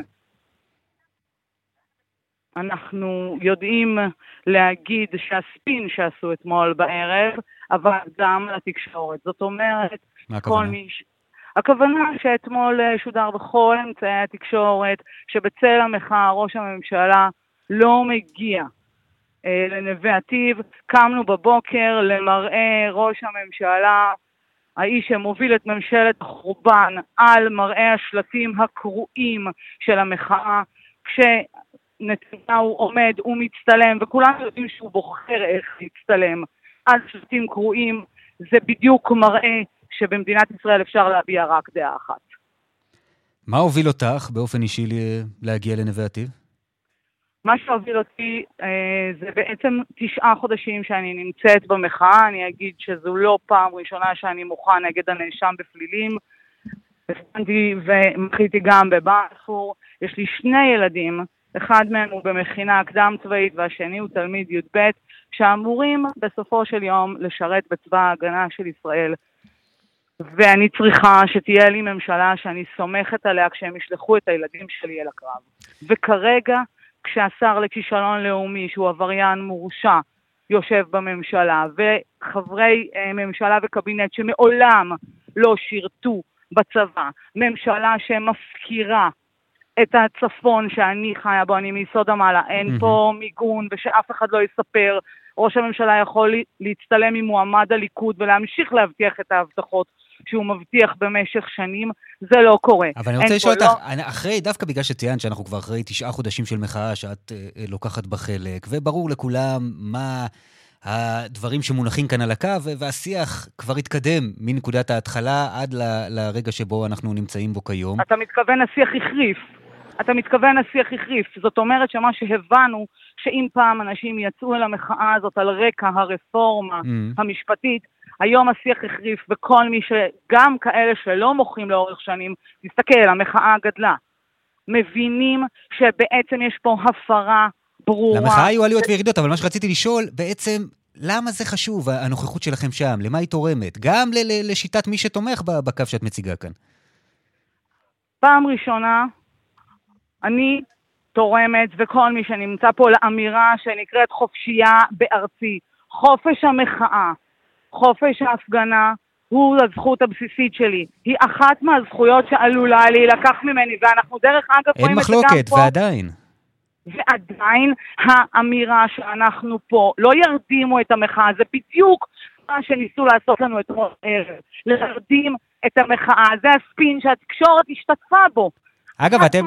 את, את אומרת ספין, אתם לא ידעתם שראש הממשלה עומד להגיע בלילה לנווה עתיב? כי אני שומע מאנשי מחאה שדווקא הדבר הזה היה ידוע להם. היה לנו ברור, היה לנו ברור שהספין נו, הוא בשביל אז מה, אז להוריד אז על איזה מפה, ספין את מדברת? הספין הוא פה להוריד מוחים שלא היה להם ברור, שהתלבטו, נווה עתיב הכי נוח לבוא לנווה עתיב, זה מקום מבוצר, יש פה כביש גישה אחד, אנשים שצריכים לבחור להגיע מהמרכז צריכים לקבל החלטות, לא כולם מבינים. אני רוצה ש... שאנשים יעלו צפונה, שאנשים יבינו שנווה עתיד היא חלק ממדינת האם, ישראל. אני רוצה לשאול, את יודעת, אפילו ברמה הטקטית, האם זה לא מרחיק אנשים מהמחאה שאת כל כך אה, תומכת ומאמינה בצעדים האלה, כמו צעדים שנעשו בתקופה איזה האחרונה? צעדים? חופש, חופש תנועה אה. מרחיקה? מי, מי שמגביל את נווה עתיב זו לא המחאה.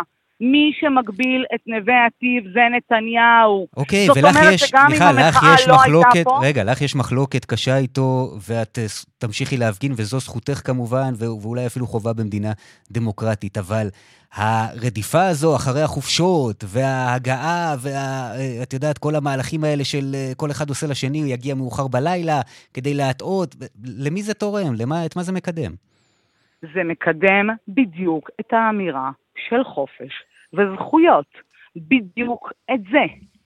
בדיוק את המקום שאומר, אנחנו פה כדי להזכיר שמדינת ישראל צריכה להישאר חופשית. אני שמחה דרך אגב על מה שקרה אתמול בלילה. כי אם ראש הממשלה צריך מכספי ציבור לעשות פה תרגילי הטעיה, להעלות מכתזיות, להוריד מכתזיות, זה הכסף שלך ושלי, בסדר? והוא מפחד ממוחים לא אלימים, המחאה היא לא אלימה, אז בוא תשאל אותי עוד פעם מה המחאה השיגה. המחאה נוכחת וקיימת, והעובדה שאנחנו נוכחים... אבל השאלה היא שוב, השאלה היא אם היא לא מאבדת קהל בצעדים האחרונים שהיא עושה. תשמע, אף אחד לא יכול אף פעם להסכים על כל הצעדים. הבסיס הוא חופש. זאת הפרת הזכויות של ממשלת החורבן עם כל תושבי מדינת ישראל. זה הכל. אין פה הרבה. אם ראש הממשלה עולה כמו גנב באישון לילה למושב קטן, אני מעריכה שאתה מכיר את הצפון, עם, כביש, עם כביש גישה אחד, המחאה עובדת. אני לא מרחיקה, אני מקרבת. ואת מי שלא קירבתי okay. אוקיי. היום, כשהמושב, סליחה שנייה, אני אסיים, mm-hmm. כשמושב הכנסת יחזור ויעברו 255 החוקים שהם לא ברפורמה, אבל הם פגיעה בכל תושבי מדינת ישראל, אז יצאו יותר אנשים לרחובות. אוקיי, אני ממש ס... משוכנעת. מיכל סלע, תודה רבה. תודה רבה, המשך יום נעים. מבין המפגינים שנמצאים אה, בנווה עתיב. עכשיו אנחנו רוצים אה, מכאן להסתכל על מה שקורה אה, בפולין. הפגנה גדולה מאוד, מאות אלפים אתמול בוורשה, ואיתנו שניים בעניין הזה. אנה ביסטרן, שלום. שלום. תושבת קרקוב. אני, כן, נכון. וגם פרופסור... אבל אני הסתכלתי ב... עקבת מקרוב. באינטרנט. כן, מיד תספרי לנו על, על הרשמים שלך. אני רוצה גם להגיד שלום לפרופסור רז קופרמן, פרופסור למתמטיקה מהאוניברסיטה העברית. שלום. שלום. שלום, ואנחנו בעצם אנחנו תופסים אותך בחופשה בפולין שהתלכדה עם, ה, עם האירוע המעניין הזה. כן, אה, נקלעתי בטעות אתמול להפגנה, אה, והיה מרתק. אז שתף אותנו קודם כל ככה ברשמים שלך, אתה יודע, האותנטיים כתייר שמסתכל.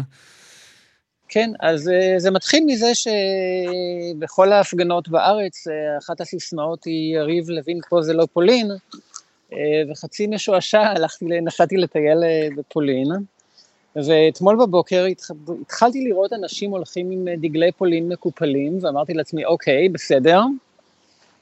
וכעבור כמה שעות מצאתי את עצמי בלב צעדה עצומה של מאות אלפי אנשים, ו... הדגלים, הזמבורות, המגפונים, אה, דגלי גאווה, אה, אני הייתי מאוד מאוד מופתע. אה, היו כן שני, שני הבדלים שמאוד בלטו לי לעין עם ההפגנות בארץ. אחד, כמעט כמעט ולא הייתה משטרה. Mm-hmm. הייתה נוכחות מאוד מאוד סמלית של שוטרים בכמה צמתים, הם בוודאי לא היה שום, שום עימות בינם לבין המפגינים. והדבר השני זה שבנוסף לים עצום של דגלי פולין, מאוד בלטו גם דגלי אירופה. אה, אני משער שזה הקונטרה ללאומנות הפולנית, ההשתייכות אה, לקהילה האירופית. אה, וזה אחד הדברים שמאוד בלטו לי כמה אנחנו לבד, כלומר, בארץ אני מתכוון. עד כמה אנחנו מצד אחד, אני חושב שיש כמיהה להיות חלק מעולם מערבי ליברלי חופשי, אבל מצד שני זה רחוק יותר ואנחנו איפשהו אה, יותר לבד מהפולנים שקשורים, גם באופן רשמי כמובן, אה, לקהילה אירופית ליברלית. אנה, את עוקבת במבט מטבע הדברים מקומי יותר. שתפי אותי קצת בשיח שאת שומעת, את יודעת, עם, עם החברים, המכרים, אחרי האירוע הזה אתמול.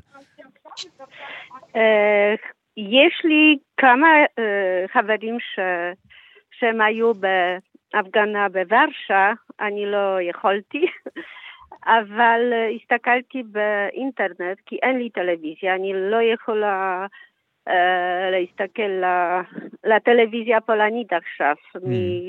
משמונה שנים, זה, זה, זה, זה, משהו נורא.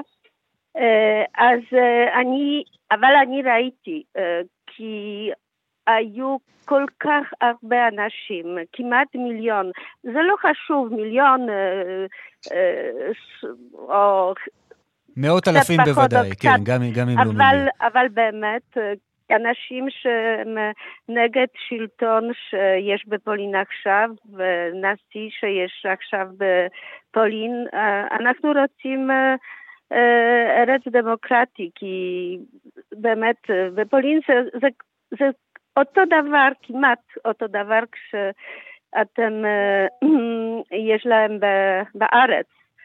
אה, אוכלוסייה פולנית גם חצי הם אנשים שיש להם מודעות ממה שקורה בארץ וחצי, והם דמוקרטים. ו... אבל יש גם חצי אוכלוסייה שאין לו בגלל, אני לא יודעת בגלל מה. תראי, אני חייב להגיד, לפי הסקרים, למרות ההפגנה הגדולה והמרשימה הזאת מאוד אתמול, לפי הסקרים האחרונים שאני רואה היום, אז למפלגת השלטון יש עדיין רוב, היא צפויה לנצח, אם הסקרים האלה אכן נכונים, למרות הכל. כן, כן, אני יודעת, אבל זה מיליון זה, זה הרבה, אבל לא בארץ כל כך גדול, כי נראה, בעוד uh, פחות משבועיים יש לנו בחירות. Mm-hmm. אני חושבת שזה זה ממש חשוב uh, שאנשים אומרת, רואים מה אל, שקורה אל, בארץ שלנו. מערכת בחירות כמובן גורלית. פרופסור uh, קופרמן, אתה יודע, ההשוואה היא, היא, היא בלתי נמנעת, וכמובן שאי אפשר uh, למנוע מהמחשבות לנדוד למה שקורה uh, כאן בישראל, ואני מניח שזה ליווה אותך אתמול בשיטוטים שלך ברחבי ההפגנה הזאת. בוודאי, המחשבות היו מאוד מאוד חזק על הארץ, אני מאוד התרשמתי ממה שראיתי, אני גם מאוד מתרשם, מאוד מאוד מתרשם ממה שאני רואה בארץ. אה, אני, אני רוצה להתייחס למה שאמרת על הסקרים. זאת אומרת, בסופו של דבר יש בחירות ומפלגה או מפלגות זוכות, אה, אבל דמוקרטיה זה לא משחק של הכל או כלום. זאת אומרת, זה לא שאם ניצחת אז עכשיו אה, הדבר שאתה מייצג אמור להשתלט על הכל. בסופו של דבר, אותם מיליון מפגינים, שמן הסתם יש יותר ממיליון ש, שתומכים בהם, כן, פה בפולין, וכנ"ל בהשוואה לישראל, יש להם זכויות, אה, זכויות עמוקות מאוד, גם כשהם מפסידים בבחירות. אוקיי? וזה הדבר שאני, שבארץ, לא, אני לא יודע מה קורה בפוליטיקה הפולנית, אבל זה דבר שכל כך מקומם בארץ, התפיסה הזאת של יש לנו 64 מנדטים, אז כל מה שאנחנו רוצים לעשות, אנחנו יכולים מוסרית להעביר אותו. זה דבר שאני באמת אה, גם חש... חשבתי עליו גם אתמול. דיברו איתך על ישראל אה, במפגינים שככה פגשת בדרך? לא, לא, לא, לא דיברתי עם אף אחד, אני אה, בעיקר, אני הייתי צופה מהצד כמובן, אני גם לא ראיתי את אותם דגלי ישראל שצולמו ונראו בתקשורת, ואחת הטענות היא שבאמת הסלאמי, שיטת הסלאמי, שיטת המהפכה ההדרגתית פה בפולין, איפשהו ירדים האנשים, ויש טענה שמה שקרה בארץ עורר את, אה, את הקהילה פה בפולין, אני לא, לא, לא חקרתי, אני לא יודע אם זה נכון, אה, אבל לא, אני, אני הייתי צופה מהצד ובעיקר הרהרתי הרבה מאוד על מה שקורה בארץ לאור גם מה שאני ראיתי אתמול פה אה, בוורשה. תודה רבה לשניכם, פרופסור רז קופרמן ואנה ביסטרן, תושבת קרקוב, תודה רבה לכם. תודה לך, בשמחה. בהצלחה. בחצי היום, ואנחנו uh, בימי uh, חול המועד uh, סוכות, גם uh, רוצים uh, קצת לצאת ביחד איתכם, לטייל כל פעם באזור uh, אחר של ארצנו, והיום אנחנו בניצנים, ביחד עם uh, מירית מלל קשליס, מנהלת uh, בית הספר שדה שקמים של החברה להגנת הטבע. שלום. צהריים טובים, חג שמח, מועדים לשמחה. חג שמח, ואנחנו היום יוצאים אל האגם הנעלם. Uh, כן, אני מעוניינת להזמין אתכם uh, אל uh, אגם באזור מישור דרומי, אה, בין אשדוד לאשקלון. אה, הגם שנוצר כתוצאה מקריאה של חול בשנות ה-60-90. כלומר, אה, לגמרי במקרה המועד. בעצם. הגיעו למי התהום, ומאז השאר היסטוריה. האגם הזה ממש לפני שנה גם טופח והוא מתופעל על ידי יזם. הכניסה היא חינמית. מי שרוצה כמובן לשוט בקייק או בסאפ, אז יש איזשהו תשלום סמלי, אבל בהחלט אה, פנינת חמד להעביר בה את הימים הכיפים האלה האחרונים של הקיץ. בעצם מגיעים, קודם כל יש את האגם אה, עצמו, אה, שהוא לא קטן, וגם הים לא כל כך רחוק, אז אפשר לשלב בין השניים, אני מניח. אכן, אפשר בהחלט לבקר גם בים וגם באגם. מי שמעוניין גם לראות קצת אה, פריחה של אה, סוף הקיץ, אם זה חבצלת החוף, חצבים שנמצאים לא אומנם על החוף, אבל בדרך, אה, ואת נר הלילה החופי, יכול גם להתהלך לו אה, לאורך החופים וליהנות אה, גם בחופי ניצנים וגם בשמורת החולות, שנמצאת כמובן באזור, במרחב. יש- והם, והם מוזמנים גם לבוא למתחם בית ספר שדה שקמים, לאתר יד לאישה לוחמת. מי שרוצה באמת קצת מעבר לטבילה שהיא נחמדה, והמים גם חמימים יחסית, נכון? אם אני זוכר נכון. זאת אומרת, זה מתאים גם ל- גם לאוקטובר. בהחלט, בהחלט. יש אה, מי שרוצה גם לטייל, ואת מדברת על הפריחה, המסלולים הם, אה, הם מסודרים, או שזה יותר ככה שיטוט ב- ב- באזור וכל אחד ימצא את עצמו? אה, באזור החולות אה, האזור מוגדר כתחום שוטטות. אין, אה, יש שבילים, אבל אני מאוד ממליצה להיוועץ אה, עם אנשי השטח כדי לדעת בדיוק איזה שביל מתאים, ובדיוק גם באותו יום, אם מזג האוויר הוא חם, אז מה כדאי לעשות. לאורך, אה, בעצם אה, יש שביל אדום שמקיף את האגם, אה, חלקו קצת סבוך בצמחייה מקומית, אבל הוא מאוד נחמד והוא גם מוצל. ומי שמעוניין גם להתהלך בסביבה, אז מוזמן בהחלט ללכת לאורכו. אה, שביל אדום שמקיף את האגם, אפשר לראות את זה במפות סימון השבילים. אני גם רוצה להזמין אתכם אה, במסגרת פסטיבל שטחים פתוחים שמתקיים ממש באזור, אה, גם להצטרף אלינו לסיורים מודרכים חינמים, שרק צריך להירשם אליהם. אה, כל הפרטים באתר של החברה להגנת הטבע. יש גם מסלול מאוד מאוד נחמד שנקרא שביל האור, זה המקטע המערבי של השביל שנושק אה, עם השפך של נחל שקמה וחוף זיקים, וגם בעיר אשדוד אה, בפארק האקולוגי. יפה. כאן אנחנו מדברים על אזור, אה, האמת שכדאי אה, גם אולי מעט למהר ו- ולהגיע, כי הוא, כמו שגם הזכרת, בעצם עבר לא מעט שינויים, ואנחנו גם לא יודעים כל כך מה יהיה בהמשך. יש שם כל מיני תוכניות לפיתוח ולקידום התיירות, שאולי הן טובות, אבל. פחות מוצאות חן בעיני מטיילים מסוג אחר. נכון מאוד. אכן. אני מאוד מציעה שוב להיכנס לאתר של החברה להגנת טבע, יש לנו מגוון של פעילויות ומסלולים מודרכים. בנוסף לכך, אני גם רוצה אה, להזמין אתכם במסגרת פסטיבל מבשרי הסתיו אה, של מועצה אזורית חוף אשקלון, שאנחנו נמצאים ממש בשטח שלה, בשטח, בתחום השיפוט שלה, יש עוד סיורים חינמיים שמזמינים את הקהל הרחב בימים רביעי-חמישי. שוב, כנסו לאתר אה, של, אה, של התיירות של מועצה אזורית חוף אשקלון, וגם שם תוכלו למצוא אותנו בסיורים שונים. מירית מלל קשליס, מנהלת אה, בית הספר שדה שקמים של החברה להגנת הטבע. תודה רבה על ההזמנה הזאת. תודה רבה, חג שמח. חג שמח. ביי. בחצי היום, קודם המלצנו לכם על האגם הנעלם באזור ניצנים, עכשיו נצפין לאגמון החולה קק"ל. ענבר שלומית רובין, שלום. שלום, שלום, חג שמח. חג שמח, והוא שמח במיוחד עכשיו, כאשר אנחנו בעצם עם אה, נחיתתם של ראשוני העגורים לעונה הזאת. נכון, נכון, נכון, ממש ההתרגשות בשיאה. 22 עגורים ראשונים שהגיעו אלינו, הם אה, כמובן רק הראשונים, עוד אה, בימים, בשבועות הקרובים צפויים להגיע עוד אה, מאות ואלפים ואפילו עשרות אלפים, שחלקם יישארו איתנו כל החורף. בעצם, יש באמת את אלו ש, שנשארים, כמה זמן בדרך כלל נמשך הביקור של אלו שגם, אה, את יודעת, עוצרים להתרעננות וממשיכים מכאן?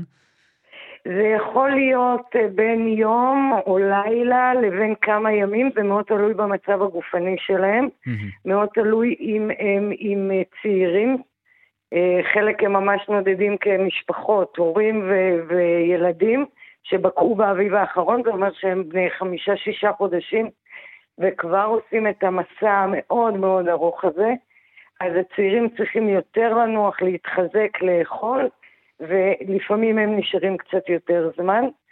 אה, וחלק, אה, כן, החליטו שזה מספיק דרומה בשבילהם, ונשארים פה כל החורף. אגב, אתם רואים... עד מרץ. אנחנו מדברים על, על תקופה של התחממות גלובלית, ואנחנו חוזים בכל מיני תופעות ש, שלא כל כך הכרנו והופכות להיות שכיחות נכון. יותר. מזהים באמת גם את השינויים לגבי ההרגלים של, של העופות עצמם ש, שמגיעים אלינו? כרגע, ב- ב- בשבועות האחרונים, יש פה 350 פלמינגו באגמון. זו תופעה שעד לפני עשר שנים פלמינגו נחשב לעוף נדיר בישראל. לא הכרנו. והמספרים שלהם כל שנה הולכים וגדלים, זה משהו שהוא באמת חדש לגמרי, מאוד כיף, אני מודה, כי הם מקסימים ויפים וברודים ומאוד אופטימיים, אבל זה אכן, אה, ככל הנראה, אה, תופעה בגלל שינויי האקלים, בגלל בצורות ארוכות באפריקה שמייבשות את הביצות שם, אה, והם פשוט לא צריכים כנראה להמשיך ל- לנדוד כל כך רחוק. אנחנו ראינו, אה, לצערנו, כמה מקרים של אה, שפעת העופות, לא כל כך באזור שלכם, באצבע הגליל, אבל כן באזור העמקים, לא מאוד אה, רחוק. אנחנו זוכרים גם עונות קודמות שבהן נאלצתם תוך כדי עונת הנדידה לעסוק בנושא הזה. איך נערכים ומה תמונת המצב כרגע? אז קודם כל, אנחנו מאוד ערניים. יש לנו פרוטוקול עבודה מאוד מאוד מסודר. אנחנו בקשר רציף עם משרד החקלאות ועם כל הגופים שמנהלים את האירועים האלה, אה, ואנחנו עובדים לפי פרוטוקול של ביוסקיורטי, אה, אה, בטיחות ביולוגית, כדי למנוע את ההגעה של שפעת העופות לפה לאגמון. שנה שעברה הצלחנו לעשות את זה, ואנחנו בתקווה לעשות את זה גם השנה. אנחנו כן מבקשים כמובן את שיתוף הפעולה של כל המטיילים והמבקרים אה, בטח מי שמגיע לפה מאזורים שידועים שיש בהם את הנגיף. אה, אם ביקרתם בפינות ליטוף, בפינות חי או בלולים, להחליף נעליים, לא להגיע לפה עם אותם נעליים, לא לאסוף נוצות, לא לגעת בציפורים אה, פצועות או מתות, ובטח לא להביא לפה. באמת כדי שנשמור את הציפורים כמה שיותר בטוחות ובריאות. כן, שכל ישר, זה תמיד עוזר. נכון. ותבואו לבקר, אז הנה, אם יש פלמינגו והגורים נחתו ויש עופות נוספים, אז העונה כבר החלה באופן רשמי. בהחלט. ענבר שלומית רובין, אגמון החולה, תודה רבה. תודה רבה, חגים שמחים לכולם. כאן רשת ב' ספורט. עם יואב בורוביץ', אהלן יואב. היי חן, מה שלומך? בסדר גמור. אז היום, חן, אנחנו שמים את ירושלים על ראש שמחתנו, קודם כל עם ברכת הכוהנים, 50 אלף מתפללים. אה, בשעות הבוקר, בשעות הערב יש משחק כדורגל מאוד גדול, ביתר ירושלים נגד הפועל תל אביב באיצטדיון טדי. אתה יודע, זה המשחק הראשון שביתר תארח בביתה העונה, בגלל עונש mm-hmm. משחקי הרדיוס, בעקבות כמובן ההתפרצות של האוהדים בגמר הגביע בעונה שעברה. אז זה משחק מאוד דרמטי בכדורגל בשעות הערב, אבל בואו נעבור לירושלים, להישג הגדול של אתמול בערב, אתמול בלילה, הניצחון בתל אביב. על מכבי תל אביב, בגמר גביע ווינר, אנחנו מדברים על כדורסל כמובן, על הפועל ירושלים, 79-71, התואר הראשון של העונה. ואחד ממצטייני המשחק הוא שחקן שגדל במכבי תל אביב, אבל חתם בהפועל ירושלים לאחר שנתיים באלבה ברלין, שנתיים מוצלחות בגרמניה. ואנחנו מדברים על יובל זוסמן, שכלה אתמול עשר נקודות, אה, כתב שבעה ריבאונדים, וכלה את השלשה הכי חשובה במאני טיים של המשחק. ניצח את מועדון נעוריו, מכבי תל אביב, במדעי הפועל ירושלים, יובל זוסמן. שלום יובל. אהלן, שלום, מה קורה? Uh, מצוין, יובל, אז ספר קודם כל על ההרגשה אתה יודע, בטח משחק דרמטי מאוד מבחינתך, גם משחק על תואר, אבל מעבר לעניין הספורטיבי החשוב, יש את העניין האישי, ואתה מגיע למשחק כזה, מצטיין. ספר לנו על ההרגשה שלך היום. אמ, אני חושב שזה בסך הכל עוד, אה, עוד משחק, עוד יום במשחק שאתה צריך לבוא ולעשות את המיטב שלך בשביל שהקבוצה תנצח. משחק על תואר אבל, יובל, זה לא עוד משחק. אני חושב ש...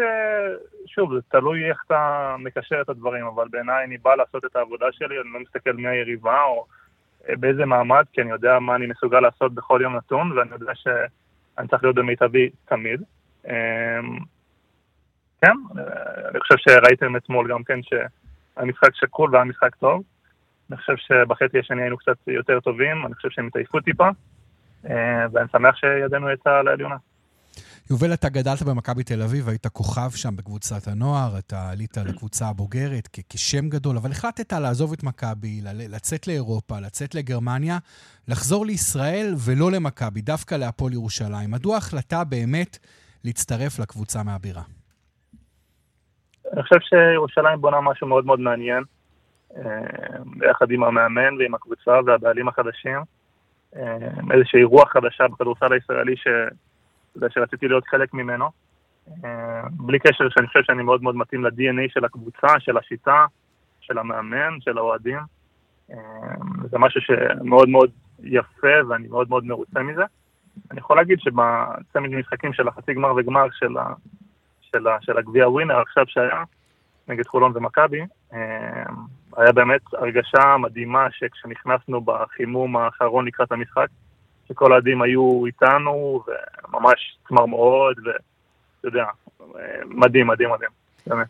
יובל, אתם עברתם את כל השלבים בדרך אל, אל התואר הזה, אבל אנחנו יודעים לצערנו שחצי הגמר השני של מכבי תל אביב נגד הפועל תל אביב לא שוחק, ויש שיח מאוד מאוד משמעותי, שגם, אתה יודע, עובר אפילו לענפים, ענפי ספורט אחרים בקרב אה, אוהדים לגבי מה שקרה שם, ואנחנו רואים את המחאה שאומרת אה, אוהדי ספורט לא עבריינים. שתף אותנו קצת במחשבות שלך, איפה אתה עומד בעניין הזה?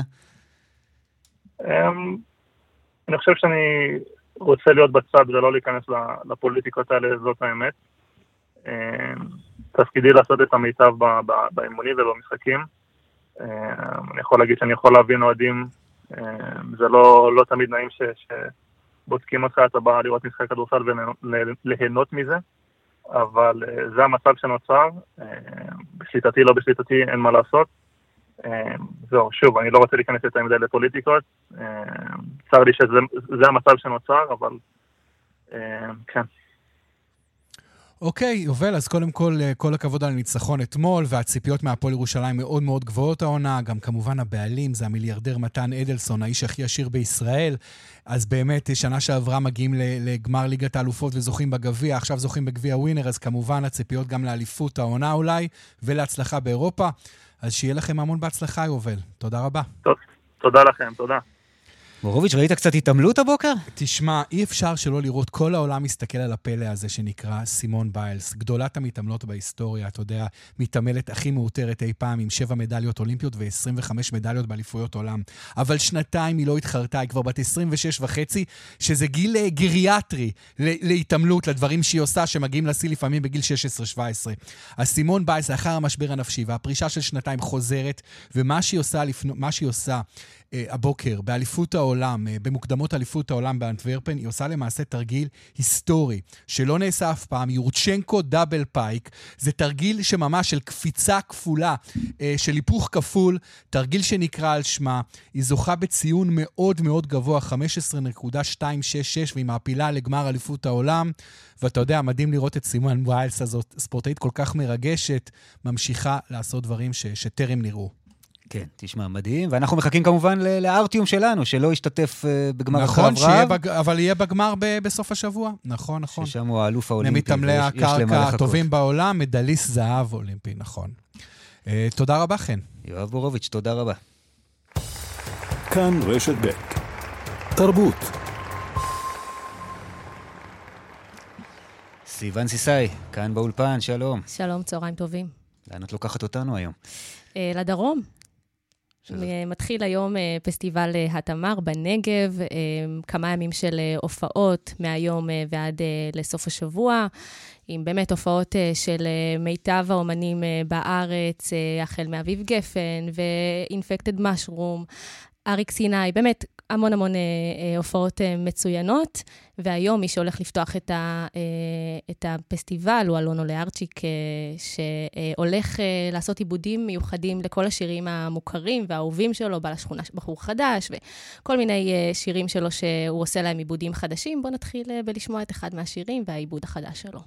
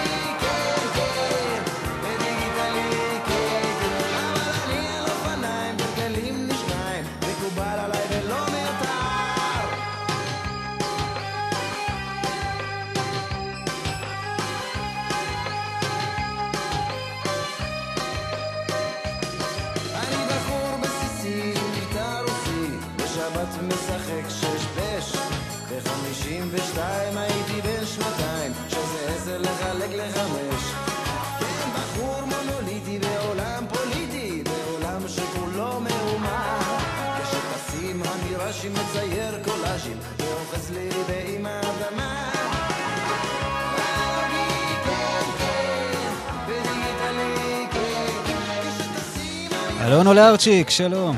שלום לך. חג שמח, מה שלומך? בסדר גמור, תודה רבה. טוב, מה, בדרך כבר לים המלח, או שאתה כבר שם? איפה אנחנו תופסים אותך? אנחנו ממש בדרך לים המלח, כל הלהקה פה עם הנהג מיקי, ואנחנו...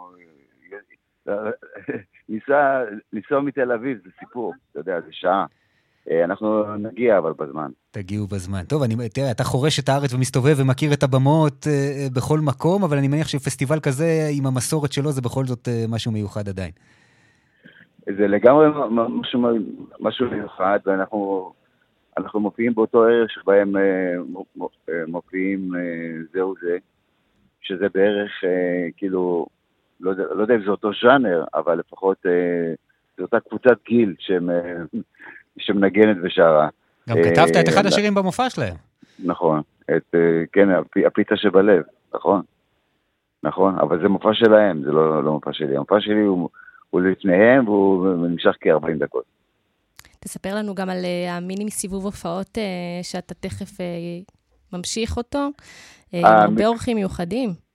נכון, המופע הבא יהיה בגריי, זה יהיה ב-29 בנובמבר, ויהיו שם ג'יין בורדו וגיא מזיג כאורחים, וזה נפלא בעיניי, כל הדבר הזה. ממש כיף גם להופיע בגריי. מאיפה הגיע הרעיון של ככה לחזור לשירים, ואולי קצת לשחק איתם, קצת לאבד אותם אחרת, קצת לתת להם רוח חדשה? תראה, הרעיון הוא, הוא פשוט לחיות ולעבוד ולעשות דברים חדשים שהם מעוררים עניין ציבורי, כדי שאנשים יבואו, יבוא וייתנו לך להמשיך ליצור ולהמשיך להופיע. זה הרעיון. זה, זה פחות דרמטי ממה שחושבים. כן? כי זה נשמע כן. שיש משהו קשה, אתה יודע, לחזור דווקא ללהיטים הגדולים ולנסות לשנות uh, אותם, אבל להשאיר, uh, כמובן, את, להשאיר את מה שעבד ולתת להם בכל זאת את, את החידוש. באופן כללי, אני, אני מופיע כל, כל השנה בצורה רצופה, ואני תמיד מופיע עם השירים האלה, אתה יודע, זה תמיד איכשהו בא לשכונה בחור חדש, ובואי נגיד שאני שלך, ויהיו לכם בדרכים, כל הליל אני בגנך, כל הדברים האלה, הבן בסט, זה תמיד אותם שירים, תכלס, מה שמשתנה מבחינתי זה, זה הקהל משתנה, הקהל מאוד משפיע על הביצוע, והנגנים משתנים, והעיבודים משתנים הרבה פעמים, על הבמה אנחנו מאלתרים משהו חדש שלא היה אף פעם, וזה זה, זה הכיף שלי, זאת אומרת, אני מאוד אוהב שזה משתנה. מהופעה להופעה, וזה לא מין סטנדרט כזה שאתה יודע, כמו שאנשים זוכרים מהרדיו לפני מאה שנה, אז שזה יהיה ככה גם עכשיו. אולי אלון ההמצאה מחדש היא גם להביא אורחים שהם קצת עם קהל יותר, אפשר לומר, צעיר, גיא מזיג וג'יין בורדו. זה גם חלק מהניסיון ככה להמציא מחדש, אחרי קריירה כל כך ארוכה. נכון, עד עכשיו היו דודו טסה ו... רונה קינן ועוד אנשים, ואני אני חושב שהם שונים ממני, כי הם הרבה יותר צעירים גם, ויש להם סגנונות משלהם, אבל מה שמאפיין אותם, את כל האורחים, זה שהם מתעקשים על איזשהו סגנון שלהם אישי, והם לא אכפת להם להסתכל ימינה או שמאלה, הם פשוט מאוד אותנטיים במה שהם עושים. ואני מקווה שאני יכול ל... להוסיף את השם שלי למילה הזאת של אותנטיות. וזה מה שמרתק, אני חושב, בצירופים האלה. כן, אתה אוהב את זה? נהנה מהמפגשים האלה? כן, אני נהנה, כי אני גם, אני גם, תכלס אני פדנט, וגם הם קצת פדנטים, ואנחנו מתעסקים בזה די הרבה בטלפונים, ואחר כך נפגשים, ונפגשים עוד פעם. ו- ומוציאים משהו שהוא לא חלטוריסטי, צירוף, צירוף אחר, צירוף חדש שלהם ושלי. בטח נמאס לך ששואלים אותך את השאלה הזאת, אבל בוא ננסה, אולי נוציא פה כותרת אני וחן, אבל מתי אנחנו, מתי אנחנו הולכים לראות? כן, איחוד של הכוורת. תראי, לדעתי אנחנו סיימנו את האיחוד האחרון ב-2013, בינתיים אה, עבד לנו איש אחד אה, בדרך. עשר שנים, זה בדיוק הזמן, עכשיו זה מתאים. אה, אתם, יודעים, נסעתי פעם עם נהג, נהג מונית, לא, לא מודע לעצמו כל כך, הוא אמר לי, למה אתם לא, לא, לא, לא עושים עוד איחוד מחדש, שכל כך הצלחתם ב-2013? אז אמרתי לו, ואם אוקיי. נעשה איחוד, אתה... אתה תבוא? אז הוא אמר לא. אלונו לארצ'יק, אנחנו חייבים לסיים. נאחל לכם אוקיי. נסיעה טובה, תודה רבה. יאללה. תודה גם לסיוון סיסאי, לגיא קוטב, לכם שהאזנתם. ביי ביי.